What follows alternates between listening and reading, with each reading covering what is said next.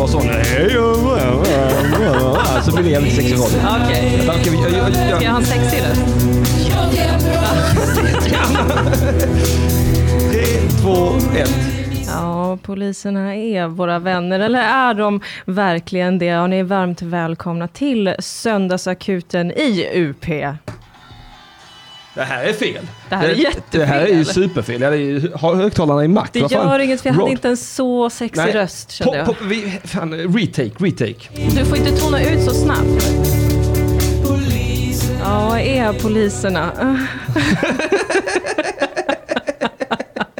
Våra vänner. Nej, fuck it. Kör en jävla signatur.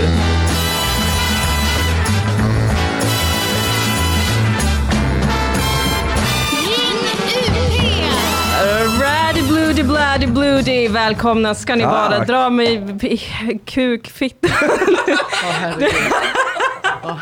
Men du säger alltid något sånt, fast mycket mer stilfullt än vad jag gör. Jag brukar vi inte säga dra kossan i kuken. Eh, välkomna till Söndagsakuten där Vi är vi vuxna. idag eh, är Dilan Apak, Harald Makrill och vi har en gäst som jag inte ska presentera riktigt än. Nej. Först ska jag prata om mig själv. Ja, Hurra! Hurra! Ett, jag är tillbaka. Mm, som en Välkommen, tillbaka. Välkommen tillbaka! Vad jag har saknat dig. Vad jag har saknat Jag har dig. inte känt mig Jag har hel inte utan känt mig dig. hel utan dig Dilan. Vad skulle jag göra? Vad skulle jag göra Utan dig. utan dig? Vad sjukt att du säger det här till mig. Jag vet. Jag känner mig så sedd Ja, det hoppas jag. Det hoppas jag. Ja, men du ska känna dig mycket äh, härmad. Hej Emil Tramslund som ger mig det välkomnande jag förtjänar tillbaka. Ja, hej, Tre Dil- smileys. Hej Dilan. Är det, är det ett välkomnande? Är inte det bara Hej med- Dilan, utropstecken, Det tre smileys. Sånt, eh, vad heter det, eh, tillkännagivande. Han tillkännager att du är här. Hej Dilan! Hej Sofie! Är det ingen som säger hej till mig? Nej, de är så vana vid Nej, dig. de kan sutta. Eh, jag vill också säga, eh, jag har saknat dig Henrik. Tack! Det har varit tomt Ja, utan det, har dig. varit, det har varit mycket tomt utan mig. Det har framförallt varit otroligt mycket teknikstrul. Mhm. Distans är inte min grej. Inte min heller. Nej. Vi är så himla... Du är jättedåliga. Ja, vi kan inte vara särbos. Nej. Jag är också lite nervös idag för att vi har en, en gäst med oss. Som sitter och himlar med ögonen och skriver i en mapp. Hon är så himla himla smart. Det, ja, det oroar mig. Det stressar mig jättemycket. Ja. För att liksom, jag bjöd in henne hit för att så här, åh, vill komma hit och prata om någonting viktigt och lära oss saker. Och så får hon komma hit och höra hur vi skriker kuk och fitta åt varandra. Mm, jag vet, det är sorgligt men Men det är viktigt att vi sätter ribban där den ska vara. ja, Ja. Folk betalar faktiskt för det här. kan du tänka dig. Nej. Eh, vill du säga något om dig själv innan vi presenterar vår gäst? Nej. Du är fortfarande 34. Mm. Jag tänker fortsätta vara så ett år till. jag återkommer med en uppdatering när jag fyllt 35. Fram tills dess tänker jag hålla käften. Fantastiskt. Ja, jag vet. Fantastiskt. Aha. Ha, men då så. Eh, välkommen till Söndagsakuten och välkommen till Söndagsakuten Sara Vajes. Tack Dilan. Eh, jag, har, jag vet ju hur jag skulle vilja presentera dig. Eh, men hur skulle du presentera dig själv? Hur skulle du beskriva dig själv? Jag skulle beskriva mig själv som en, ehm, en, eh, en ung, Mhm. driven och empatisk eldsjäl. som eh, försöker använda mig av det jag har för att bland annat ehm, prata om vilka rättigheter vi har, vilka skyldigheter vi har och hur vi ska förhålla oss till det allmänna för att kunna eh, leva det livet som vi vill leva. Beautiful. Beautiful. Sara är ju min vän. Ja, jag vet, jag vet. Säger jag och spänner ögonen. Ja, det- jag ska inte röra henne, jag lovar. Jag tycker det är väldigt trevligt att jag får låta två av mina vänner, ni har ju träffats en gång förut. Två gånger. Två gånger. Tre gånger. Tre gånger. Jag hälsade på det på stan en gång. Just det. Mm. Sen har det varit en massa födelsedagar och Ja, andra. precis. Ja. Men nu får ni liksom sitta ner och samtala med varandra. Jag tycker att det här är fantastiskt roligt. Ja. Eh, Sara, du är ju jurist. Stämmer. Och jag är nervös. Och du är nervös. Henrik har ju alltså ingen som helst utbildning. Nej, det är helt sant. Inte alls. Jag har inte gjort en läxa i hela mitt liv. nej, nej, nej, nej, nej. Alltså, det har jag han svårt är, att tro. ja, Nej, sant. det är helt sant. Jag Det är gick ut med sant. samlade betygsdokument. Okej, Mm. Jag Vad tittar är inte så det? fördömande. Det men gör det- jag absolut inte. Nej, jo då, jag såg det. Jag såg det i dina ögon. Jag är mycket, mycket känslig för sån ögonkritik. Vad är, förlåt, jag var en jättepluggis. Mm, ja, Vad men det, är det, samlade det är när man har betyg i somliga ämnen. Jaha. Jag hade betyg VG i dans. Och jag hade betyg VG i musik och jag hade betyg VG i teater. Aha. Och det var de betygen jag hade när jag gick ut gymnasiet. Ja, ja, ja. Så då hade jag de tre betygen i ett dokument. Ett samlat betygsdokument. vackert. Ja, jag visste det. Nästan poetiskt. Nej. Sara, vi har bjudit hit dig idag för att den här veckan har det varit en jävla massa diskussioner som har sprungit ur Black Lives Matter-rörelsen, som ju har eskalerat. Eskalerat? Konstigt ord. Jättekonstigt ord. Men det har varit väldigt mycket demonstrationer. Det har blossat upp igen. Det har blossat upp som fan. Mm. Eh, och diskussionen har varit stark i Sverige också. Och eh, något som vi har pratat lite om under veckan, Henrik, och Mhm. något som jag har sett eh, många lyfta och prata om är, men Sverige då? Mhm. Hur ser det ut i Sverige egentligen? Och vi kanske ska prata lite om det idag, för att jag känner mig lite förvirrad och skulle vilja prata med någon som har koll på juridik, vilket jag inte har för att jag spelade spel hela min utbildning. Ehm, Och du visste inte vad ett samlat betygsdokument var? nej, det är mycket som jag har missat. Åh, helt enkelt. Ja. Eh, och jag hoppas att våra lyssnare, om de har frågor eh, kring juridik eller kring ordningsmakten eller liknande, att de kan skriva in det i chatten och så pratar vi om det. Mm. How about that? How about that motherfucker? Ja, det, ja. Precis, precis så tycker jag det ska fungera. Precis. Ja, det, nu börjar de prata om sina betyg, men det är Ja. totalt irrelevant. Ja, Ja, det är faktiskt ty tyvärr För det mig inte alls är det vi ska inte prata det. Nej, men, Jo, nu är det det. Alltså, Ja, fuck okej. det. Vi, vi ska prata om eh, Black Lives Matter-rörelsen. Ja Typ. Eller? typ. Vad är temat Ska du vi- har bestämt till? Alltså, vad, vi, vi har inte, det är det här som också Sara efterfrågade. Så här, vad fan vill ni prata om egentligen? Mhm. Och jag känner, att, jag känner att jag är så himla, himla, himla, himla, himla splittrad. För att jag är ju en av dem som har varit så här den här veckan. Henrik räcker upp handen. Ja, Jag la handen på tangentbordet. Jag var rädd att jag gick ur sändning, men det gjorde jag Aha, inte. okej. Det, här- det här har varit jag den här veckan. Ja, vad fint att alla är solidariska med Black Lives Matter och emot polisvåldet i USA. Men eh, ska vi inte prata om vad som händer i Sverige också? För att min erfarenhet av att växa upp i Sverige är att lära sig att polisen är inte våra vänner, som Kuk sjöng om innan, utan att eh, det faktiskt kan vara ganska svårt och knepigt och att det finns en omfattande diskriminering. Mm. Eh, både av liksom personliga erfarenheter, folk jag känner, främst rasifierade då, som har blivit trakasserade, felaktigt liksom gripna, eh, misshandlade av polis. Mhm. Men också det som dyker upp i media titt som tätt. Skånepolisen har ju haft en del problem. Jag tänker på romregistret. Det kanske inte var Skånepolisen. Det kanske Jo, det var det väl Malmöpolisen, tror jag. Romregistret, visst var det det? Jag vet inte om det var de som var ledande, men jag vet att de var delaktiga. De hade ett romregister, visst hade de det? Det vill jag tro. eh, Ja, det vill jag också tro. minne. Men jag, jag har för mig att det var, det var på en större skala än bara, bara här i Malmö, va? Ja, det var det nog. Mm. Men jag vill minnas att, om inte det var polisen i Lund också som var ganska så. Ja, men är inte Skånepolisen en stor enhet? Liksom? Det, det finns ju ett poliskontor i Lund i alla fall. Ja, Ett i Malmö. ja. Ja. Det kanske är, här. ja, jag har inte en aning. Jag, kunskapsluckorna skriker. jag, jag har en kunskapsfallucka mitt i kunskapen kan Mm, man säga. Mm. Precis. Eh, vi hade ju också Limhamnsdemonstrationen som blev ganska omtalad för ett antal år sedan. Eh, det var en demonstration mot nazism i Limhamn där polisen eh, bland annat eh, hade då sitt kavalleri, alltså polishästar, Mhm. som man red över folk med eh, och även körde på en demonstrant med bil. Mm. Så att vi har olika eh, små skandaler som dyker upp kring vår egen ordningsmakt då och då. Och Ja, sen har vi ju Osmo sådana också. Den här missbrukaren man stampade ihjäl uppe i Tjotahejti. mhm, Långt- som polisen stampade i. ja. Ja. Ja, ja. Mm. Man tappade han i trappan eller vad fan det Mm. var frågan om. Ja, och det är det som jag, som jag tänker på. För många är ju också så här, ja men det är inte samma sak i Sverige ju som i USA med polisen. De går inte runt och mördar svarta här och så vidare. Och där vill jag säga, nej, det är klart att det finns skillnader. Men det som jag reagerar på, som svensk, som betraktar av USA, som kurd, polismakten är ofta problematiskt var än i världen man tittar. Och jag upplever en brist på kritik av den, eller i alla fall problematisering av den. Är det här någonting som du också upplever i ditt yrke som jurist? Någonting som jag har tyckt har varit väldigt oroväckande. Det är när man får prata med personer som är misstänkta, som har delgivits en brottsmisstanke. Och när man börjar prata med dem om hur förfarandet har gått till, så är det oftast väldigt tydligt att det inte finns ett förtroende för polisen.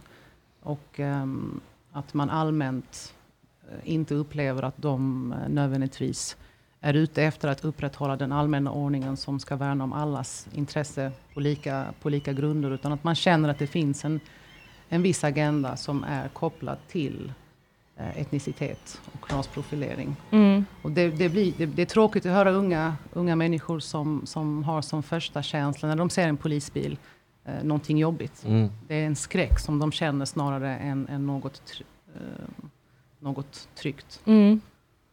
Och, och det är ju en väldigt dålig förutsättning att ha som, som ung när man, när man kopplar rättsordning till någonting som, som jobbar mot den än, Mm. än, än tvärtom. Mm. Ja, för det där tänker jag jättemycket på ibland, eller ganska ofta när eh, det blir sådana här grejer, vad som med eh, Operation Rimfrost till exempel. Vad är det för någonting? Ja, vad är det? vill du förklara vad det är för någonting Sara? Ja, jag kan berätta lite om Rimfrost. Eh, Rimfrost är ju en polisoperation som initierades efter en särskild nationell händelse i november 2019. Och vet ni vad den särskilda nationella händelsen var? Eh, nej. Minns ni det mordet på den 15-åriga pojken på Möllevångstorget? Ja, ja, ja. ja. Ja. Mm. Just det. ja. Så det, jag tycker personligen att det känns, det känns ganska obehagligt att veta att den nationella händelsen som initierade dessa operationer skedde precis utanför, våra, Mm. utanför vår dörr. Mm. Eh, och tanken då är att den här operationen Rimfrost då eh, riktar sig mot gängvåld. Mm. Och ehm, ska främst verka för att motarbeta, motarbeta gängvåld i Sverige. Eh, och med det då så har man, ehm, man har eh, utökat ehm, vissa befogenheter. Man har eh, hämtat hit polis från andra delar för att stärka eh, insatserna som vi har i de mer utsatta områdena. Är det det med ökad polissynlighet eller ökad polisnärvaro? Ja, det är ju det som vi, som inte nödvändigtvis utsätts för dessa um, Det är det, vi, satsningar, det, men det är det man hör. Ja. Det är det vi hör. Men om vi exempelvis tittar på ehm, Operation Hagelstorm som föddes ur Det operation... låter hemskt. Ja, tycker det Det låter som de kommer med senaste. hagelsprakar. Om vi, Fuck gängvåld, vi är det största gänget i stan, vi är Ja, sluten. fast där vill jag bara säga en sak i Skånepolisens försvar. Mm. Att eh, Skånepolisen har en viss poesi. Alltså jag tycker att Rimfrost är väldigt poetiskt. Jag tycker Hagelstorm är väldigt poetiskt. Mm. Jämför med Stockholmspolisen. Som gjorde en insats mot eh, bordeller och liknande i Stockholm. De vad kallar kallade det det? Operation Torsk.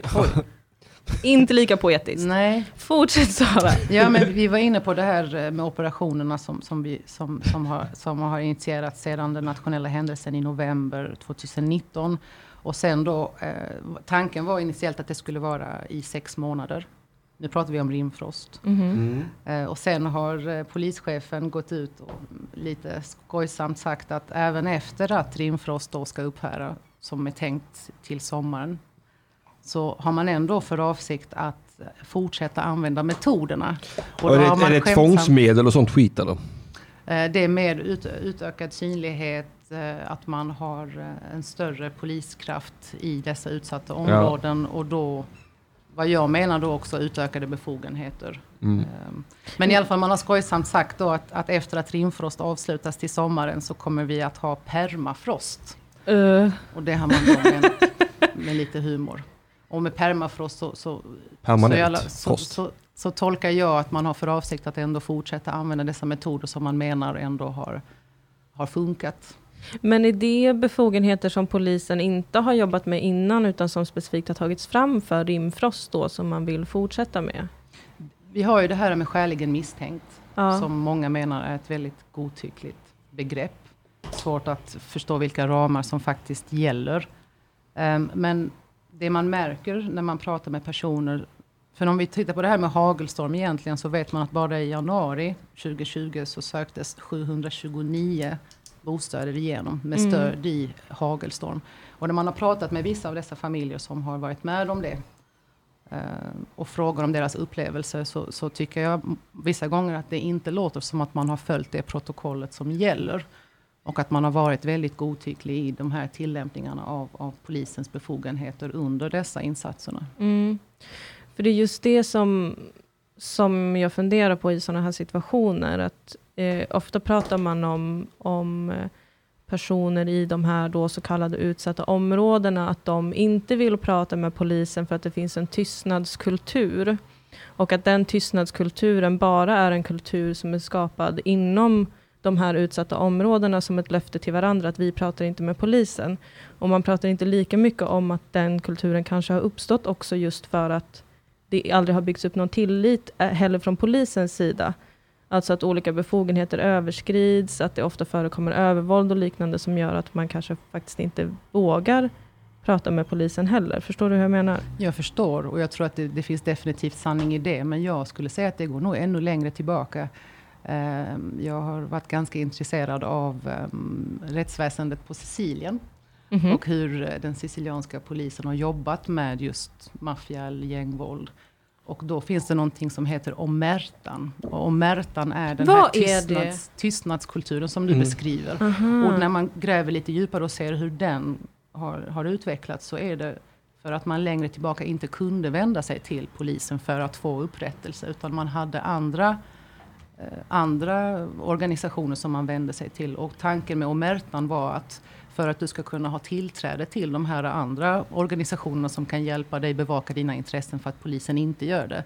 Så förutsätter det att du respekterar omertan, alltså tystnads... Mm. Um, mm. plikten eller kulturen. Mm. Jag tror att det är också att man, man är rädd att förlora, förlora det stödet som finns direkt i området och möjligheten Absolut. till att få hjälp. Ja, men det är väl också en väldig skillnad, alltså om man kollar rent den svenska kulturen. Här är ju, alltså här, den svenska kulturen är ju väldigt den är ju väldigt diande av staten som koncept. Vi är liksom inte på samma sätt som man kanske är i andra länder.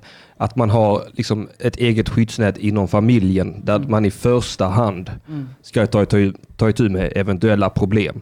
Utan vi går direkt gärna till polisen. I Sverige...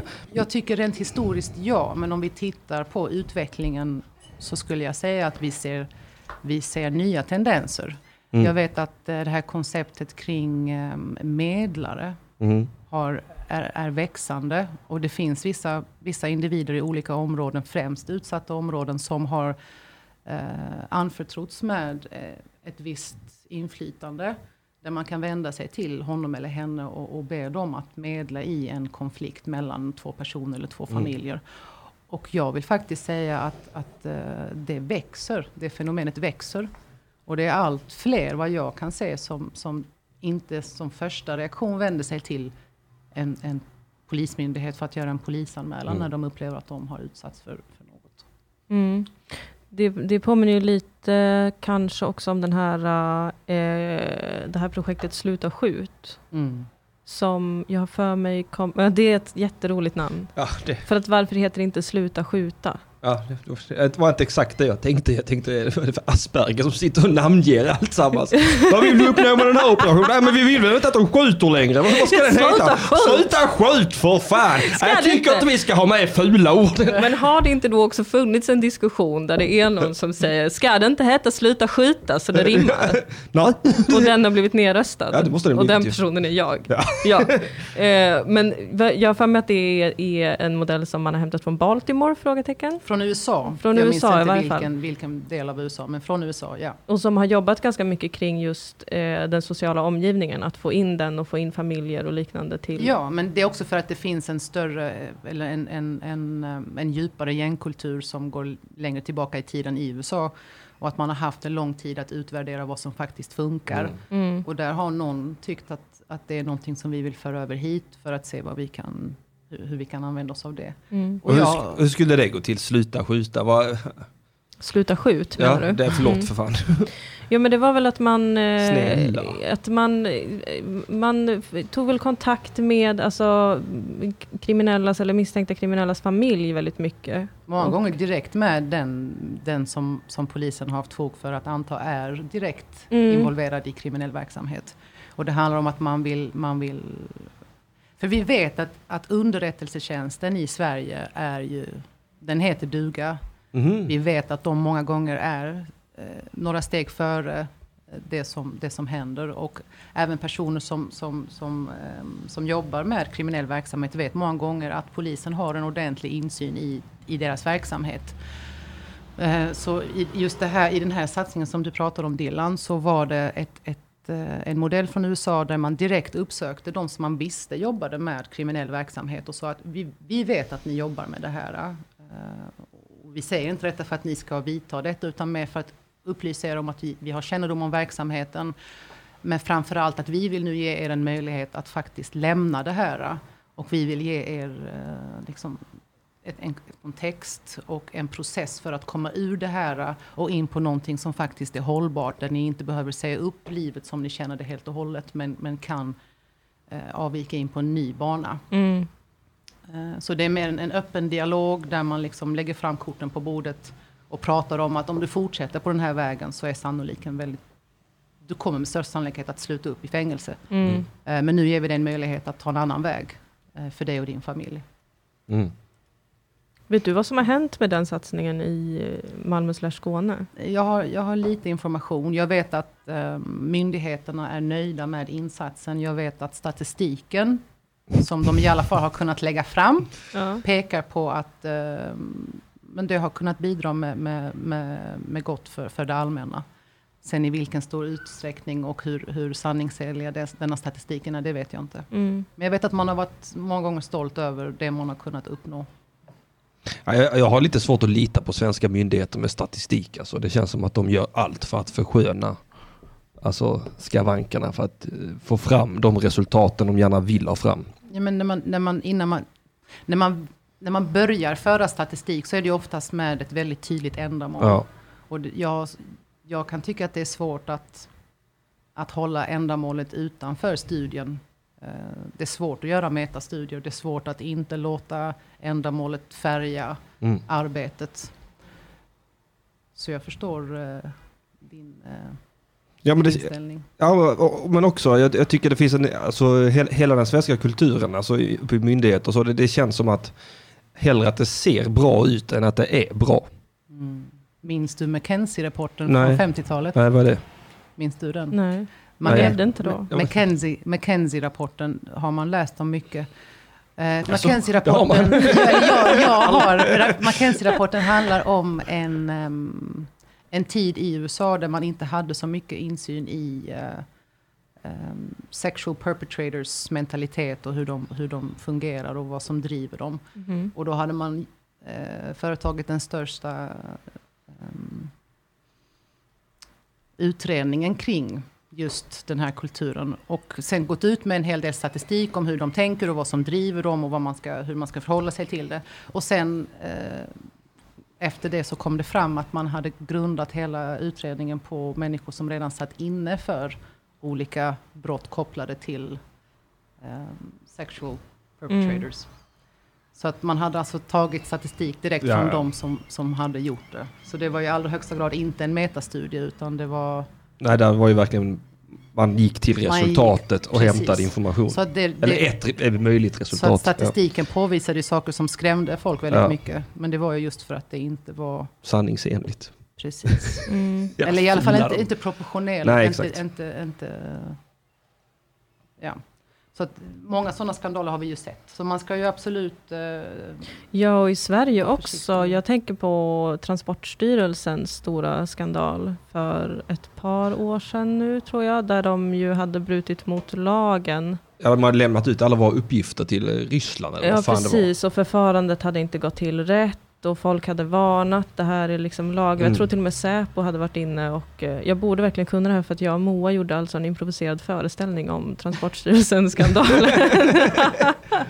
eh, jag minns inte exakta detaljerna men det var väldigt mycket så här, så här ska det absolut inte överhuvudtaget gå till. Mm. Till och med Säpo har gått in och sagt bara stopp, nej vänta, ni kan inte göra så här. Mm. Eh, men att det verkar vara lite Hej kom bacon! Ja, men så kolla också på alltså, Kvick då.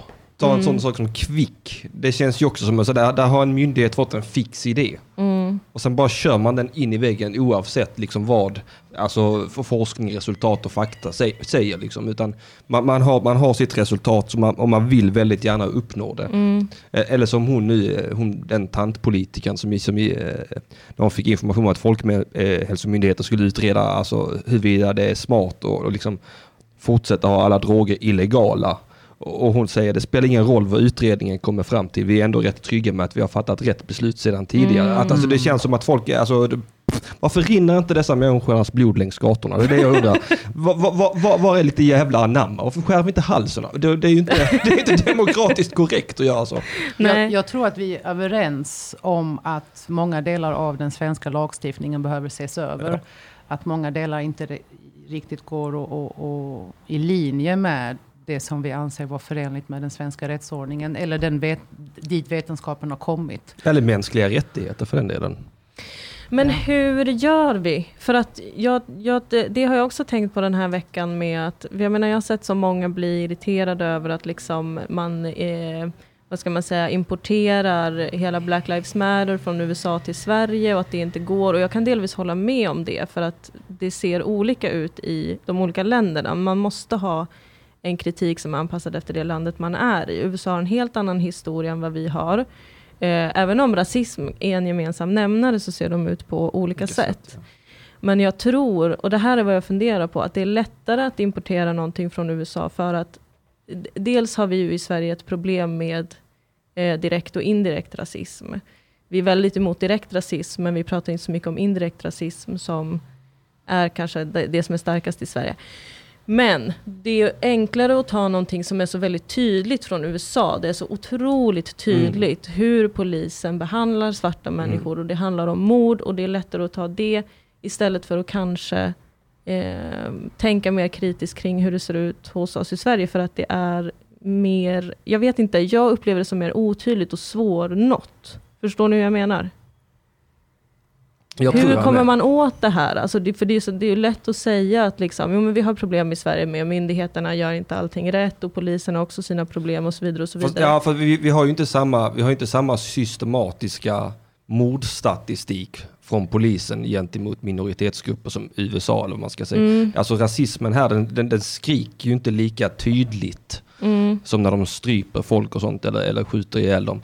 Eh, Utan här, här, här, vi hade han, vad hette han uppe i Stockholm som var, hur säger man detta finkänsligt, mongo. Han, eh, Erik Torell Ja. som hade down syndrom. Ja, exakt. och blev skjuten av och blev polisen. skjuten av ja. polisen. Ja, precis. Men det, det, det, det är ju liksom, där har vi ju ett problem med att polisen, alltså uppenbarligen, har ett vå- våldsmonopol Mm. som de inte liksom riktigt kan hantera. Men det är ju inte samma sak som att strukturell, då är det ju ingen strukturell jakt downisar liksom, Nej. på samma sätt. Eh, så det är ju, det är ju skillnad på, på, men jag tror absolut, eller jag har ju upplevt när jag har gått i skolan och sånt och jag har varit ute med kompisar på kvällarna och sånt att det finns en viss särbehandling från även den svenska polisen. Hur jag som viting behandlades i, i jämförelse med mina färgade vänner. Alltså att, Mm. att jag kommer ihåg vi, vi blev uppradade någon kväll, vi hade stulit smuggelöl eller vad fan det var. Mhm. Och så tände jag en cigarett, så min kompis Amir tände en cigarett. Och då går ena polismannen fram och bara ger en sån jävla lavett i ansiktet. Du röker inte framför mig. Mm. Och, det, och jag kunde stå där och röka Ja, utan problem. Och det är ju väldigt, väldigt svårt att förklara det på något annat sätt än att det är ett litet rasseas Mm. som är i uniform och Mm. pistol. Och det är ju inte en, absolut inte en isolerad händelse. Nej, det skulle kan jag inte säga. tänka mig. Nej, Men hur- det, det skulle jag inte heller säga att det är. Jag har många gånger fått höra från eh, framförallt unga, unga män. Om vi tar exemplet kring eh, avlägsning, Mm. det polisen många gånger gör. Så har jag många gånger fått, fått lyssna på berättelser av unga män. Där de exempelvis har varit på en plats som eh, exempelvis Falsterbo. Mm. Där det är en majoritet av etniska svenskar Mm. som bor där. Men på grund av någon tillställning så har det lockat dit olika typer av, av individer. eh, med, med annan etnisk Och tillhörighet. de är så jävla rädda ifall... Det är invandrare i byn, vad ska vi göra? Ja, nu har de Ring polisen! Yes. Och Nu är sen- de här! Och sen finns det väldigt många berättelser om hur polisen väljer att avlägsna personen som, som inte är etnisk svensk. Och egentligen vad gäller det här med av, avlägsning så ska ju polisen i första hand bereda möjlighet för en frivillig uppgörelse. Mm. Men många gånger har man hört om, eh, om, om händelser där polisen bara tar personen som inte ser etnisk svensk ut Mm. och sen sätter dem i bilen utan en möjlighet till en annan Kör uppgörelse. iväg med dem och släpper iväg dem ute på en åker. Hej då! Mm. Och man försöker ju leta efter vad, hur resonerar man kring vem man väljer att av, avlägsna. Och tyvärr så, så kan jag i alla fall se ett mönster på, på Mm. vilka man väljer. Mm, och det har ju säkert en massa olika förklaringsmodeller. Främst att de är rasistiska as. Och jag tror att det lite grann föder det andra också. Att, att man lätt som rasifierad kanske får en väldigt neggig attityd till polisen. Vilket som säkert kan påvisas i möten med polisen redan från första början. Det är en väldigt intressant observation tycker jag det du sa där. För att jag tror att det, är, det, det, det genomsyrar hela interaktionen mm. med den auktoritära personen i, i, i situationen. Och när du utgår från, från en tanke om att men polisen är inte här för att värna om mig. Mm. Då, då är det ju ur, ur, ur ett tillstånd av försvar som jag bemöter frågor. Eh, ja, man känner sig direkt misstänkliggjord liksom. Precis, och det, och det syns ju. Ja, och, och också och, om den andra personen inte alls påverkas av den typen mm. av känslor, snarare tvärtom. Liksom, man märker att personen talar utifrån en väldigt självsäker mm. roll. Och vad gör du här? Den här personen har bara kommit hit och, och, och, och gjort som han vill. Mm. Det påverkar ju såklart polisens avläsning av vad som... Ja men sen också att man kan, alltså för att... Alltså, det, det, alltså jag är uppvuxen, jag är från en missbrukarfamilj. Jag har ju kommit med de ögonen på polisen. Jag har ju också haft en jävligt käftig och neggig attityd mot mm. polisen så fort de har visat sig. Vilket som har alltså, föranlett att det inte alltid har varit så trevliga möten med polisen. Men då kan jag också tänka mig att eh, rasifierade liksom har den erfarenheten som jag delar med dem minst liksom och att det, det är lätt och att man börjar slänga käft också. I alla fall hade jag alltid väldigt nära till det när polisen väl kom för att eh, kom inte här och liksom men, men det, han, det, är för att man känner sig men utsatt. Det, det, man ett känner hot. Man, precis. Det, de, är inte här för, de är här för att hota, eller de, de, är inte här för att hjälpa, eller de är, nu är de bara här för att leta problem kan det kännas som ibland också när man, när man hängde ett gäng. Liksom. Ja. Eh, ett, annat, ett, ett annat oroväckande mönster som jag också har sett i mitt arbete är kopplat till hur polisen hanterar en misstänkt. Mm. Och tanken är ju ur det juridiska perspektivet att en person som är misstänkt ska delges en brottsmisstanke skyndsamt. Mm. Såvida det inte är i, i konflikt med eh, polisundersökningen. Men, men, men, som huvudregel så ska du underrättas om en brottsmisstanke mot dig. Mm. Um, jag har i mitt arbete sett mönster av att man, man underlåter mm. att underrätta om brottsmisstanke många gånger. Jag har också i mitt arbete sett att man... Vad, vad innebär det i praktiken? Det innebär att man inte informerar dig om att du är misstänkt. Och därmed, och därmed så underrättar man dig inte heller om din rätt till att ha en offentlig försvarare närvarande. Man informerar inte Nej, heller exakt. om din rätt att tiga och så vidare. Nej, man är inte misstänkt för någonting då tror man ju, så då beter man sig som vanligt. Precis, och då är det ju en rubricering Hur ska som... man då komma undan med brott? Men det, det, det, det, är ju väldigt allvarligt. Ja, såklart. Att inte underrättas om en brottsmisstanke. För det påverkar ju alla dina förutsättningar. Mm. Det kan ju inte vara lagligt att inte underrätta, kan jag inte tänka mig. Nej. Men och sen, ju, samtidigt så är det polisen och de gör vad de vill. Lite som grann. huvudregel så ska du underrättas om en brottsmisstanke mot dig skyndsamt. För att du ska beredas möjlighet att, att på bästa sätt bevaka dina intressen. Ja. Um, tyvärr ett upprepat mönster av att man, man, man väntar för länge med det. Uh, och istället pratar med folk som vittnen. Mm. Uh, och då får man in, då, då talar ju folk mycket friare för man tänker jag är inte misstänkt. Men polisen antecknar och sen uh, många gånger kan använda det mot en. Är det precis det här som du har drivit ett mål mot Säpo om? Bland annat, mm. ja. För det har du ju gjort. Det stämmer. Och det är ganska svara, baller. för att svara på din fråga så um, i, i just det fallet som Dylan tar upp så hade man underlåtit att informera eh, i detta fallet kvinnan om att hon var misstänkt för brott. Mm. Eh, man hade satt henne i ett förhörsrum. Man hade kallat henne till ett förhör så som ett vittne. Mm. Eh, och därmed underlåtit att informera om hennes rätt till att ha en, en försvarare mm. närvarande. Alltså hon var misstänkt men kallades som vittne? Precis. Okej. Okay. Så jävla fishy. Alltså så mm. jävla sluga. Intressant. Ja. Och tyvärr så um, eskalerade det, det, som, det som ägde rum under förhöret med henne som vittne, vilket mm. man rent formellt kallade. Eh, där, där gick saker och ting ur styr. Eh, och man, eh, man hotade kvinnan mm, med att eh, man hade rätt att påverka hennes rätt till ett förlängt uppehållstillstånd för det fall hon inte var samarbetsvillig. Och det de bad om var faktiskt att hon skulle vittna mot sin make. Mm. Och där kommer vi in på annan lagstiftning för att du är ju skyddad mot att vittna mot närstående i första led. Mm.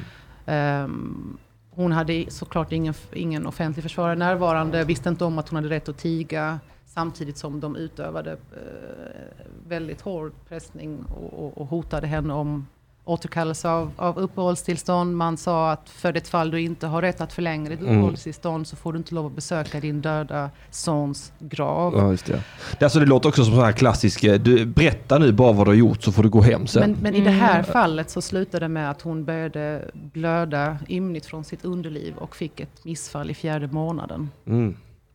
Och istället för att tillkalla ambulans så det hände alltså under själva förhöret? under själva förhöret när hon, när hon förhördes som vittne trots att det fanns en brottsmisstanke. Mm. Eh, och man kall, tillkallade inte ambulans utan man försökte faktiskt fortsätta prata med henne. Man, man lät henne med hjälp av en eskort gå på toaletten för att man skulle fortsätta förhöret. Eh, och det var inte förrän hon började skrika eh, som man sa att ja men vi avslutar här. eh, och så kan du gå ut genom bakvägen, Mm. sa man. Eh, hon insisterade på att hon inte skulle lämna byggnaden utan att ambulans tillkallades. Och först Mm. då tillkallades ambulans till bakvägen. Mm. Det är ett exempel av, av, av, eh, av en situation där man inte underrättar en människa om, om dess mest grundläggande. Man spelar ju med falska pre premisser ju. Precis. Ja, det blir ju en situation där, om det nu finns en struktur där det kommer vara lättare för dig att hamna i systemet, eller vad man ska säga, som invandrare i Sverige till exempel, så kommer du också få ett, eh, en setback när du väl hamnar där, när du väl måste in i rätten till exempel. Alltså det kanske är lättare att en sit- situation eskalerar med en polis för dig, Mm. och skulle du hamna i rättegång så är också chansen större att du har sämre rättigheter även där. Det blir som en dominoeffekt av setbacks, hör jag. Ja, och, och det utan att man egentligen beaktar att många av dessa individer kommer från krigsdrabbade länder Mm. där de är vana med en polismakt som inte beaktar eh, människans rätt till ett Mm. privatliv och och människans rätt till frihet och integritet. Så alla dessa variabler, när de sätts samman så, så blir det väldigt dåliga förutsättningar för, för många människor i sitt samspel med rättsordningen. Mm. Mm. Och sen lägger du till att man inte kan språket. Nu har vi en tolk emellan dessutom. Och många av dessa tolkarna är ju inte rättstolkar. Mm. Så att det, det, är många, Mm. det är många moment som, som jag bekymrar mig över. Mm. Alltså, ja, alltså jag kan ju bara tala sån anekdotisk eh, personlig. eh, För jag, men jag kommer ihåg, vi, vi, min exfru, hon hade ju, hon hade ju varit tvångsbortgift en period Okej. eh, I Sverige? i Sverige. Eller hon blev tvångsbortgift i Algeriet tror jag, men Okej. de bodde i Sverige, uppehöll sig i Sverige. Mm. Och där hade vi ett väldigt problem under eh, en lång period med hennes exmake, att han liksom hörde av sig väldigt frekvent och var väldigt hotfull på telefon. Mm. Och så försökte man, ändå- för vi ringde polisen, för vi ska vara duktiga. Mm. Så vi ringer polisen och informerar, vi, vi har ett problem här, han ringer och hotar, han ringer och är otrevlig och bla bla bla. Och, och, och förvånansvärt ofta så kunde man mötas av, så ah, du får väl ändå räcka. Jag är så trött på detta. Alltså att det, det bara är sådana riktiga jävla sjöbokärringar som liksom, man bara sluta, sluta, jag orkar inte bråka med dig om rasism nu. Alltså vi, vi, för, att, Vilket område bodde ni på då? eh, vi bodde i Södra Sandby också. Men det är ju Lunds polis som vi, hade främst kontakt med. Och, Alltså det är ju väldigt, väldigt tradigt att liksom behöva gå igenom. eh, Så, och det var likadant under det här jävla eh, det knulla barndrevet. Mm. Där det var någon som skickade bilder på ett eh, ihjälknullat spädbarn till mig jag skulle ringa polisanmäla det. Mm. Och då, och då hon i växeln, hon var också helt så Helt oförstående. Ja men vad trodde du skulle hända? Vadå vad jag trodde? Jag har, jag har inte gjort någon låt. Jag, har liksom, Mm. Hur kom du i kontakt med den bilden? Jag fick den skickad till mig av någon. Ja men ja, vad trodde du skulle hända? Alltså, Skyll dig själv. Ja, skyll dig själv. Jävla... Vad är... Alltså det är inte konstigt. Men det du beskriver tycker jag, det, det, det påminner mig om hur viktigt det är att rätt personer jobbar med rätt saker. För att oavsett hur bra av ett regelverk du har, Mm. hur bra av liksom en process under ett brottsförfarande du har. Om inte rätt personer sitter på rätt plats så kan det gå väldigt illa. Ja, och jag, men jag upplever också att... Ja, men alltså, om, om, jag, om jag som 100% svenne kan uppleva att det är en tråkig attityd Mm. eh, angående vårt problem. Alltså hur är det inte då för dem som inte är 100% svenne tänker jag. Jag tänker att de bygger ju för fan sitt eget problem, liksom polisen. Genom att bara vara sådana jävla... kan, kan, du se ett mönster i, i hur, hur, du kanske för dig? Kan det vara i, i var du säger att du finns när du ringer eller hur du pratar när du ringer? Alltså eller? det är mycket möjligt jag har en jävligt neggig attityd när jag pratar med polisen. Mm. Det är mycket möjligt. För vi har ju hört inspelningar från växeln hos polisen mm. där man inte har skött saker rätt. Mm. Och där resultatet har varit att folk har mist sina liv, mm. kvinnor har uh, utsatts för allvarlig kvinnofridskränkning mm. och annat. Så ja, mm. absolut så, så händer det. Mm. Ja, han blir ju fälld i alla fall. Efter och sen, och sen, och sen när vi har ett system som dessutom är överbelastat så blir det ju ännu, ännu svårare. Ja, jag tänker bara att det, alltså det, det finns ju, det, det, alltså man kan ju inte säga man, visst, man kan ju säga att det är skillnad på amerikansk och svensk polis, absolut. Men alltså det finns ju, det finns ju samma, upplever jag i alla fall, samma basproblem av, av liksom att det, det, det, det ligger någonting rassigt över hela organisationen på något sätt. Ja, och kärnan i det oavsett vart man är någonstans. Alltså som sagt har jag tänkt jättemycket på Kurdistan den här veckan också. Alltså det som känns centralt för mig är ju det här våldsmonopolet. Mm. Att vi har gett en organisation ett våldsmonopol för att vi alla kommit överens om att okej, okay, våra samhällen är för stora nu för att vi ska kunna hantera och styra moralen tillsammans i mm. den här byn till exempel. Om någon gör någonting så kan vi med liksom gruppens skam mm. eh, tvinga fram en förändring. Vi är för mm. många, vi behöver samla ett våldsmonopol någonstans. Eh, och sen har det liksom stannat lite där på något sätt. I Sverige upplever jag det så i alla fall. Att jag kan sakna ett samtal om det här våldsmonopolet och hur vill vi ha det? Hur vill vi att det ska se ut? Vad, vad ska polisen till exempel ha för roll? Mm. Min dröm är att de ska vara socialarbetare med ett våldsmonopol. Men det kanske är lite... Det finns bara en sak jag är mer rädd för än polisen och det tar mig fan sos. ja, där har vi också problem. Hur, hur jobbar de till exempel? Ja, det vet jag inte. Ja. Mycket eh, märkligt. Jag har, jag har verkligen ingen agenda med det här samtalet annat än att prata om våldsmonopolet. Och att vi har det och hur man gör.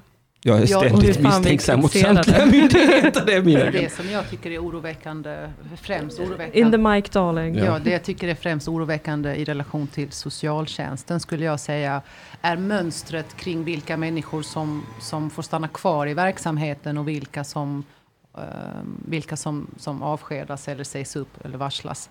Och jag ser, det här är min personliga åsikt, men jag ser ett, ett, ett mönster av att personer som är empatidrivna de blir varslade, de sägs upp. Mm. Uh, och, och, det finns ju det går ju att mäta, alltså hur många exempelvis, hur många ansökningar om ekonomiskt bistånd har du beviljat? Kontra hur många har du gett avslag till? Och vi, i, i mitt arbete jobbar vi väldigt mycket med socionomer och personer i socialtjänst. Och tyvärr, så, så var jag som sagt personlig åsikt, men jag ser att man belönar eh, liksom beslut som inte i första hand grundar sig på Ehm, på empati och mm. förståelse för människans situation. Det är mycket mer lagt åt att kunna kritisera, ifrågasätta. Vad har du egentligen gjort för att ordna med din egen ekonomi? Vad har, vad, vad har du egentligen har, har, du gjort vad, vad, vi har krävt av dig? Det är mer åt det hållet snarare mm. än att förstå. Och samtidigt, jag har ju förståelse. Vi är ju, vi, vi, och de olika myndigheterna är ju överbelastade. Men, men jag tycker det blir läskigt när man belönar ett, ett, ett beteende som inte liksom bottnar i, i bra värderingar. Mm. Jag, jag, har haft liknande erfarenheter med socialtjänsten. Jag fick ju en orosanmälan på mig. Jag är kronisk migränare. Mm. Och jag hade gått väldigt länge med migrän och jag hade gått i nio månader närmare. Och jag, jag, jag var så riktigt nära på att bara ta livet av mig för jag var trött på det. Mm. Och det var jag hos doktorn och sa till om. Och då blev jag orosanmäld till socialtjänsten. Eh, och så gjordes det en, inte en utredning utan ett möte för att bestämma huruvida det behövdes en utredning i mitt fall, vilket man kom fram till att det inte behövdes. Ja. Men sen har man ändå ringt och gjort uppföljningar och det var inte förrän jag pratade med en, en från socialtjänsten här i Malmö som de berättade att det har de ingen rättighet att göra. Antingen så är det en utredning eller så är det en utredning inte. Du ska liksom inte behöva hålla kontakt med dem om du inte är under utredning. Har de kommit fram till att det inte behövs så ska du slippa. Och det var, det var ingen information jag fick utan det var bara mig som så kommer vi ringa. Jaha, ska jag behöva leva nu med att ni ska hänga som hökar över mig? Nej, vi, vi, vet, vi vet inte tillräckligt det, det känns också som gäller. fulspel. Fulspel! Det är ganska Mm. obehagligt. Ja, det är mycket och det är ju, obehagligt. o- Man känner sig ju väldigt förminskad när man inte får den informationen från myndigheten i sig. Nej, utan jag fick det på bor. en fest av, av, av en sostant jag känner. Så, har de, så får de inte göra. Antingen. Mm. Och så sa de, de, är- de i Lund är ökända för att jobba på det sättet att de Mm. fattar ett beslut och sen gör de ett annat. Liksom. Och det här är också ett väldigt intressant ämne med orosanmälningar Ja. och omhändertagande av, av barn. Mm. Och min åsikt där är att det finns också väldigt oroväckande mönster som vi ser där. Ehm, ett exempel är att människor som inte har bott i Sverige i väldigt många år, som inte är fullt insatta i hur kulturen fungerar. Man kanske inte vet om att ens barn måste duscha efter gymnastiken. Mm. Och då kanske man säger till barnet att du behöver inte duscha med alla andra. Det är ju grund för att göra en orosanmälan. Mm. Och, då, och då har man gjort det utan att föräldrarna har förstått att dina barn ska, alltså man ska, man ska ta Är hand det om grund hygien- för orosanmälan? Ja, om det finns ett mönster av att Nästan man ser att ett, är barn, att grund ett barn inte duschar efter gymnastiken tillräckligt många gånger så kan man säga att ja, men vi, vi, vi är oroliga över att det här barnet kanske far illa till. Att det finns en anledning till att de inte duschar. Jag har själv tre sådana mål nu. Mm. Ehm, Har man, får jag bara fråga, Ja. eh, har man, nu vet inte jag hur mycket du får prata om de pågående ärendena du har, men har man i de fallen eh, först kontaktat föräldrarna för att prata om det här, eller har man gått direkt till en orosanmälan? nej, utan man har pratat med barnet, Mm. som många gånger inte är tillräckligt gamla för att förstå Mm. vad de frågar, eller, eller hur de ska resonera ordentligt. Mm. Och sen har man utifrån det då gjort en orosanmälan. Okej. Ehm, så det finns vissa kulturella eh, bitar som, som gör att en familj med, med, med eh, uträ- alltså första generations invandrare eller andra generations invandrare har eh, en högre risk att faktiskt eh, hamna under socialtjänstens eh, utredningar. Med anledning av att de faktiskt inte förstår vad som krävs av dem eller hur de mäter att ett Mm. barn inte far illa. Mm. Jag menar, har någon gjort en orosanmälan mot Greta Thunberg för att hon har missat en massa lektioner? Jag tror Säkert. faktiskt det. Tror ni det? Något, jävla högertroll har säkert gjort det. jag tror absolut det. En av mina grabbar, en av mina vitingar från Sjöbo, de har säkert reppat oss. Men det har ju inte varit en, en, eh, en oro i opinionen så. Nej. Men, men där tycker jag det är jätteviktigt för att vi ser en, en ordentlig ökning i LVU-mål Mm. där föräldrarna är förstgenerationsinvandrare. Mm. Och många gånger förstår de inte. De Nej. förstår inte varför. Mm. Um, Mm. Och här kan man ju verkligen komma in på eh, varför, för att jag tror att för många svenskar så är det här pratet om representation och mångfald kan många uppleva som tjatigt och att det bara handlar om en millimeterrättvisa och så vidare, men att det faktiskt också handlar om en kvalitet i hur vi hanterar saker. Att en representation då av olika etniciteter till exempel behövs för att man då har en förståelse för de här olika kulturerna och kan sätta dem i en kontext. Framförallt så vill jag se mer möjligheter för att folk på friv- frivillig basis ska kunna göra rätt för sig. Mm. Mm. Eh, Jag skulle vilja se mer, eh, mer satsning på, att, eh, på folkbildning Mm. tidigt. Mm. Ehm, mm. Fadime eh, brukar jag lyssna på ibland när jag känner mig deppig. Hon, hon, eh, hon pratar ju mycket om, om hur, hur, eh, hur konstigt det var att komma till Sverige, att man liksom inte fick någon information nästan. Att, att, att, eh, alltså, jag vet inte om man ska kalla det för liksom de goda intentionernas rasism, liksom att de Mm. bara tar för givet att kultur ser ut så här och att alla andra i övriga världen har samma standards och tankar som vi. Att det liksom har känts som att man nästan är, är rasist om man förklarar för någon att, att här i Sverige så finns det ingen skam i att Fadime till exempel dejtar en svensk man. Mm. Utan, utan, det, det, utan att man bara förväntat sig att folk ska liksom anamma saker som liksom inte alls ligger i den kulturen de kommer ifrån.